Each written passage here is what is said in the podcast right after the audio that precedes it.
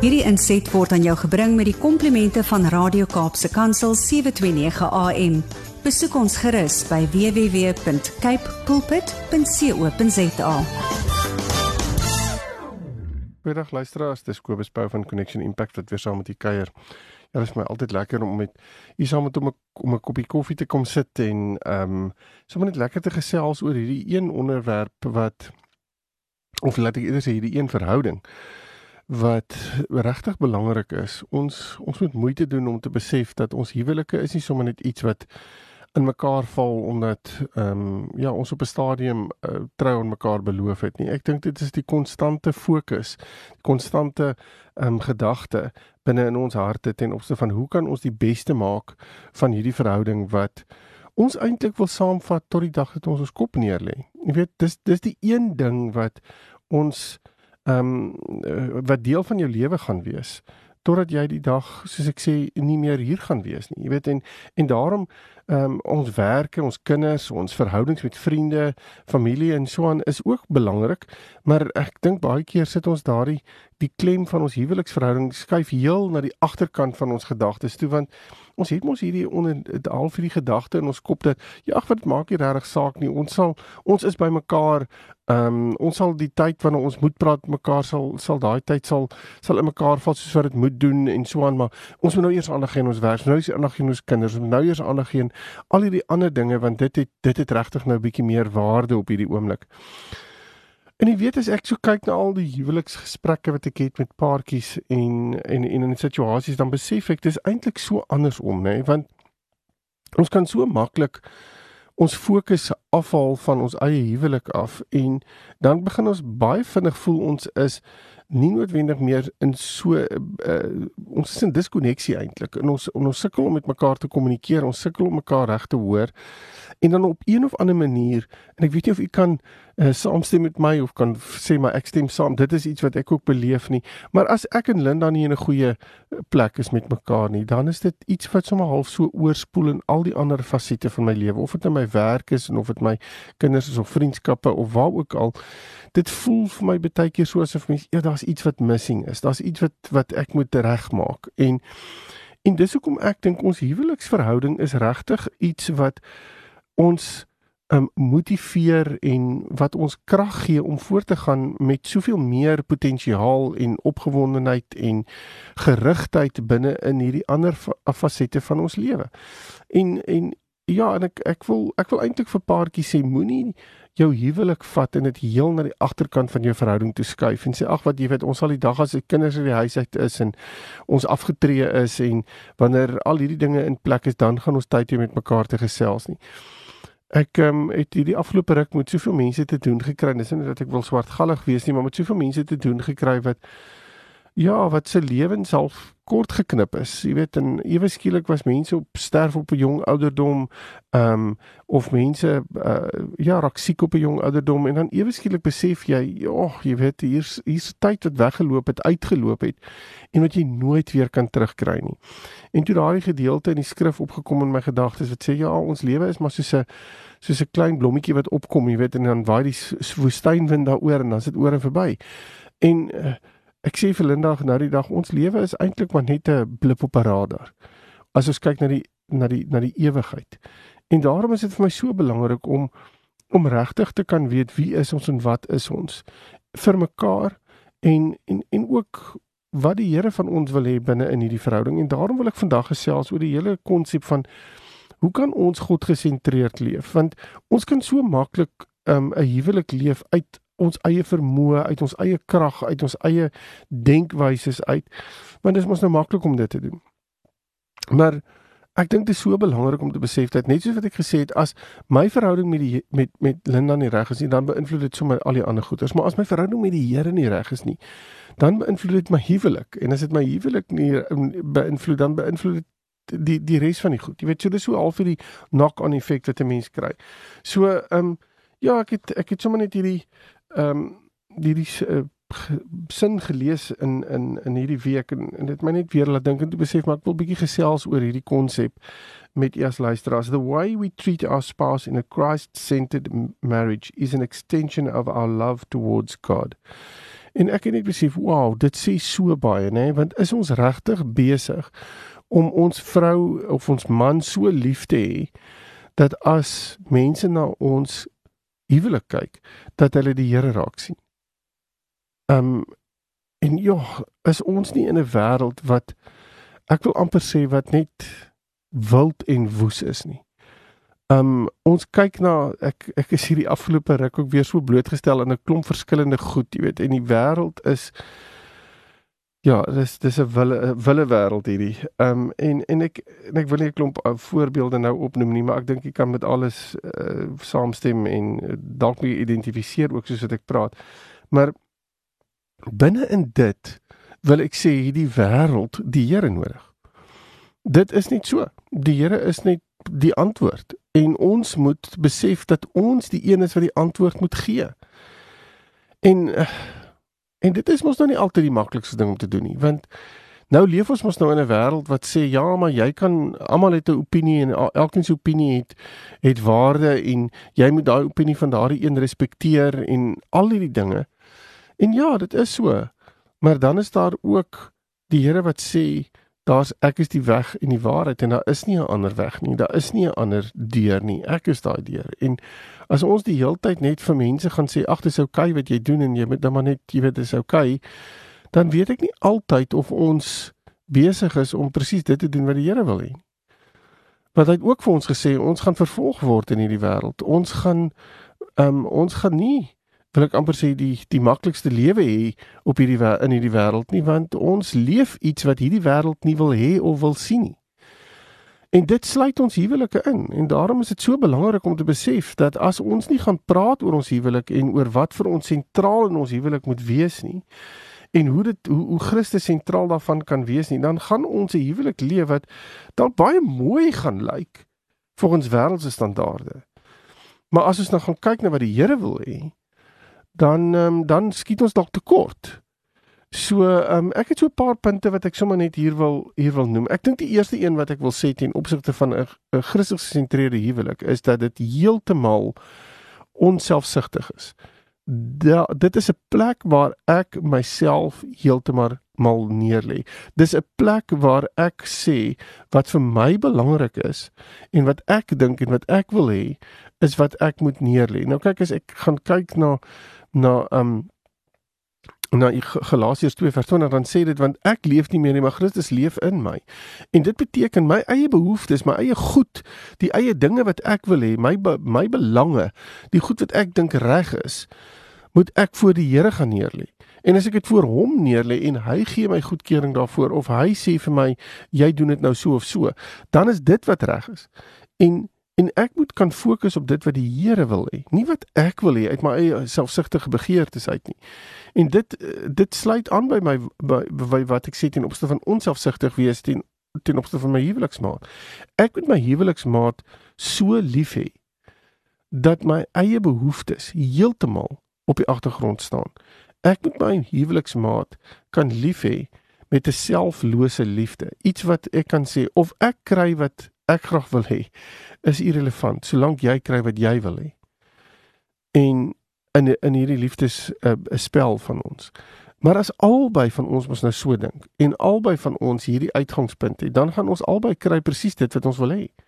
En ons gaan dit kry op 'n manier wat gaan sin maak vir ons omdat die Here vir ons lief is en ons dra daardeur want ons het ons antwoord en ons behoeftes aangespreek gekry by die Here self, nie in ons eie gedagtes nie. En as ons dit kan regkry, dan dan is dit net soveel makliker om my om om eintlik die volgende punt te doen en dit is om saam te bid as 'n paartjie. Dit is vir my so interessant dat paartjies wat getroud is of voor hulle trou, dan is dit nogals maklik. Hulle dis asof hulle sê ja, ons bid gereeld saam en ons doen hierdie en ons doen daai op 'n geestelike uh, gebied. Maar die oomblik as hulle getroud is, dan sit amper asof dit ewe skielik baie moeilik raak hierdie om saam te bid. Ehm um, ons kry nie die tyd nie. Ons is ewiglik baie besig. Ons programme laat dit nie toe nie. Ehm um, ons klimme ons gaan slaap op verskillende tye. Ons staan op verskillende tye op. Ons ehm um, en ewiglik is ons uit sink uit met mekaar. En en dan wil ek sê dan moet jy baie mooi kyk en luister want gebed is juis dit wat in die woord staan wat twee of meer in my naam bymekaar kom, daar is ek. En en dis 'n belofte wat die Here vir ons gee. So wat ons moet doen is om te gaan saam staan voor hom en en saam sy aangesig soek en saam hoor wat hy vir ons wil sê ten opsigte van wie ons is in ons huwelik en ons ouers en ons mense wat net saam leef in gemeenskap. Um maar dit beteken ons moet gaan saam voor die Here ons knie buig. En ek glo dat hy soveel krag in dit opgesluit. Die probleem is dat Satan weet hoeveel krag daarin opgesluit lê. So hy sal alles in sy vermoë doen om ons daarvan af weg te hou om nie saam te bid nie. Ons kry hom oor die kleinste goedjies te verskil en dan sê jy weet ek kan nie nou met my maat saam bid nie, ek is nou moeilik vir my maat of iets in die lyn. En eintlik wil ek sê Dis juis wanneer jy moeilik vir mekaar is wat jy vir mekaar sê nou vat ons juis hande. Nou vat ons juis ons knie en ons buig en ons sê Here, ons ons verstaan mekaar nie nou reg nie. En ons is moeilik vir mekaar dalk op hierdie stadium, maar Here, ons bring dit na U toe en ons sit dit voor U neer, want ons gaan nie toelaat dat Satan verder hou vas op ons huwelik en ons huweliksverhouding kry nie. Dit is wat ons moet doen as as ons ons huwelik uh, Christus gesentreerd wil maak. Ons moet ons moet leer om met mekaar reg te praat. Ons moet leer om vir mekaar te kan sê ons gaan mekaar verantwoordbaar hou binne in hierdie verhouding.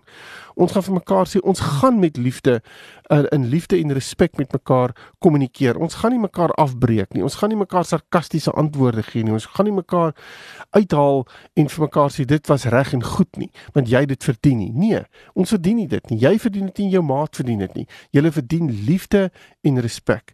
En daardie liefde en respek is iets wat ons nie in ons eie vermoë kan wil ek amper sê by mekaar maak en aan mekaar sla, slaan nie. Dis iets wat ons by die Here self moet gaan vind.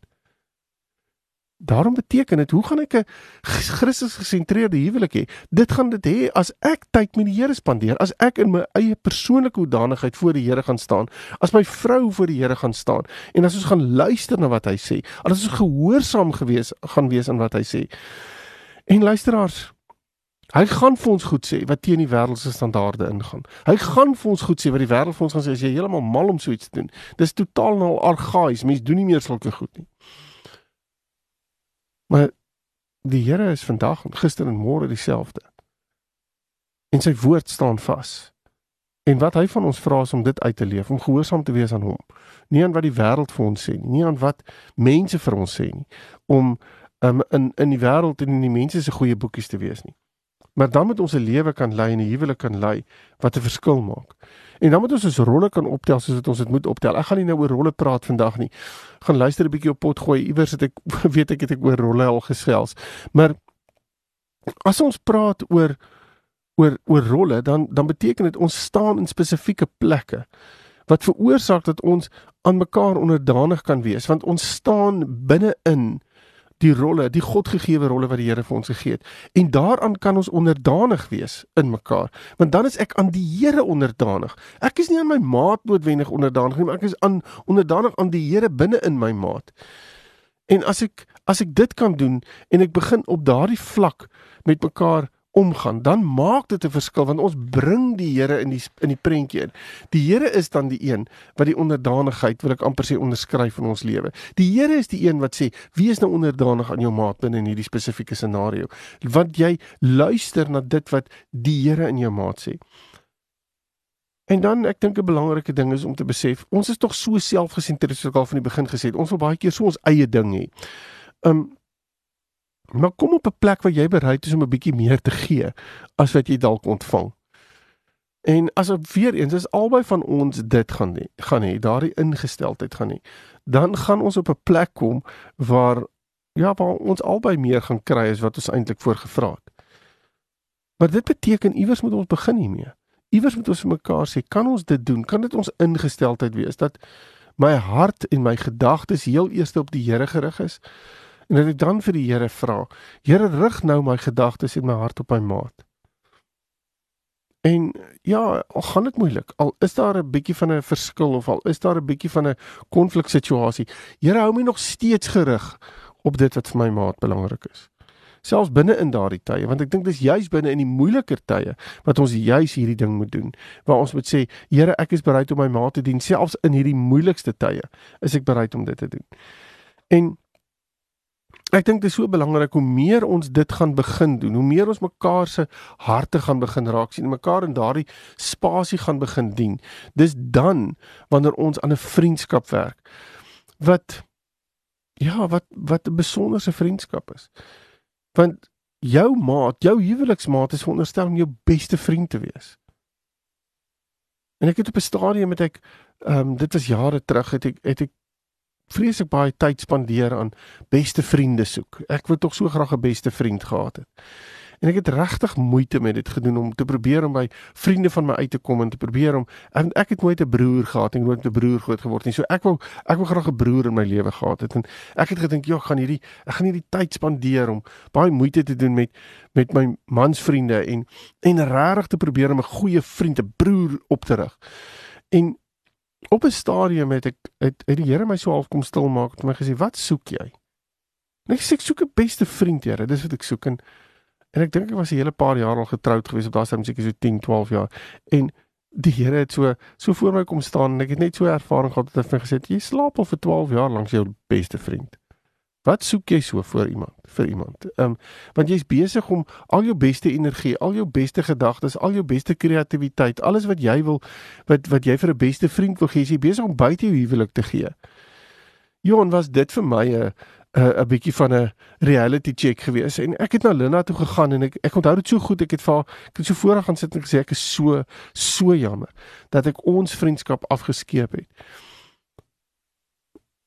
omdat ek 'n vriend gesoek het buite ons huwelik en en jy is my beste vriend en ek is so jammer daarvoor en my my fokus het heeltemal geskuif van toe af En en ons is regtig besig om aan 'n vriendskap te werk. Is dit moeilik om aan hierdie vriendskap te werk? Ja, dis nie altyd die maklikste ding want ons stem nie altyd oor alles saam nie. As julle mense wat vir my en Linda ken, sal weet ons is eintlik heeltemal pole. Maar maar binne in dit is daar soveel dimensie wat opgesluit lê en kan ons mekaar so goed aanvul en ehm um, maar dit vind alles op die basis van 'n vriendskap plaas. So bou aan daai vriendskap want hoe meer ons op daai vriendskap bou, hoe meer is ons harte oop vir mekaar, hoe meer is ons ontvanklik vir dit wat die Here vir ons ook daarin wil sê. Um ek dink wat belangrik is is om ook te besef dat ons positief moet praat oor ons huweliksmaat. Um, dis tog so maklik om negatief te praat oor ons huweliksmaat. Dit is so maklik om as ons tussen mense en ander mense kom vinnig ons huweliksmaat te sê, ja, jy weet, my vrou het nou weer dit gedoen of my man het nou weer dit gedoen en ek meen dit is so belaglik en wat ook al, maar jy's eintlik besig om jou man in die openbaar bloot te stel en eintlik te te beledig, te af te breek. En nou wil ek net gou vir jou iets sê, as jy dit doen met jou huweliksmaat, is jy eintlik besig om met jouself te doen want julle is een voor die Here is julle een en dit beteken as ek my maat afbreek en negatief hanteer, dan is ek eintlik besig om dit aan myself te doen. So, moet hou op om dit te doen. Um hou op om te praat op 'n negatiewe manier. As ek dit wat wat negatief is moet en en en iets is wat ek wil uitsorteer in my maat, moet ek nie met iemand anders gaan uitsorteer en dan na my maat toe kom nie en want dan se ek al dan het ek al klaar geskinder, dan het ek al klaar my maat beledig en gedisrespekteer Ek dink dit is so maklik om dit reg te kry. Draai eerder na jou maat toe en sê luister ek het nodig om met jou ek het nodig om met jou te gesels. Ek het nodig om dinge aan jou uit te lig. En die oomblik as jy dit gedoen het en klaar daaroor gepraat het, weer na die Here toe te gaan, sê Here help ons om hierdie dinge reg te doen. Um ek dink 'n ander ding wat wat belangrik is en dit omdat dit so baie voorkom vandag. Kry net die hele konsep van egskeiding uit jou gedagtes want egskeiding is nie van die Here nie. Die Here haat egskeiding, sê die woord. So egskeiding is iets wat ek wil altyd sê paartjies hou dit so al van hulle agterkop. 'n Soort van half hierdie agterdeur wat ons oop hou. Maak daai agterdeure toe. Sê vir mekaar, die woord egskeiding bestaan eenvoudig net nie in ons woordeskat nie. Dis iets wat ons nie gaan besoek nie. Dis nooit iets wat ons gaan praat oor nie. Um en ons sal moeite doen om te fokus op ons huweliksverhouding. Ons sal moeite doen om saam met die Here te beklei en te beklei en te beklei totdat ons die deurbraak kry. Maar ons gaan nie egskeiding toelaat in ons huweliksverhouding. Um en hoe meer ons dit toelaat, hoe meer is ons besig om ons fokus weg te vat van dit wat die Here kan doen in in 'n situasie wat dalk heeltemal onmoontlik lyk. En fokus op iets wat ons aan mekaar kan slaan want dis moontlik dat ons as 'n paartjie dalk uit mekaar uit kan gaan. Maar as ons God gesentreerd leef, dan dan ewe skielik sê die Here vir ons, ek is die God van die onmoontlike. Al lyk dit vir jou onmoontlik op die oomblik, kan ek die onmoontlike verrig. Ek kan weer liefde uit hierdie leegheid, hierdie doodsheid wat jy dalk ervaar, kan ek oprig. Ek het die vermoë want ek is die God van liefde en ek is die God van lewe. En ek kan dit uitrig en ek kan dit opmaak, um, op um, uh, kan kan dit lewendig maak in julle lewens.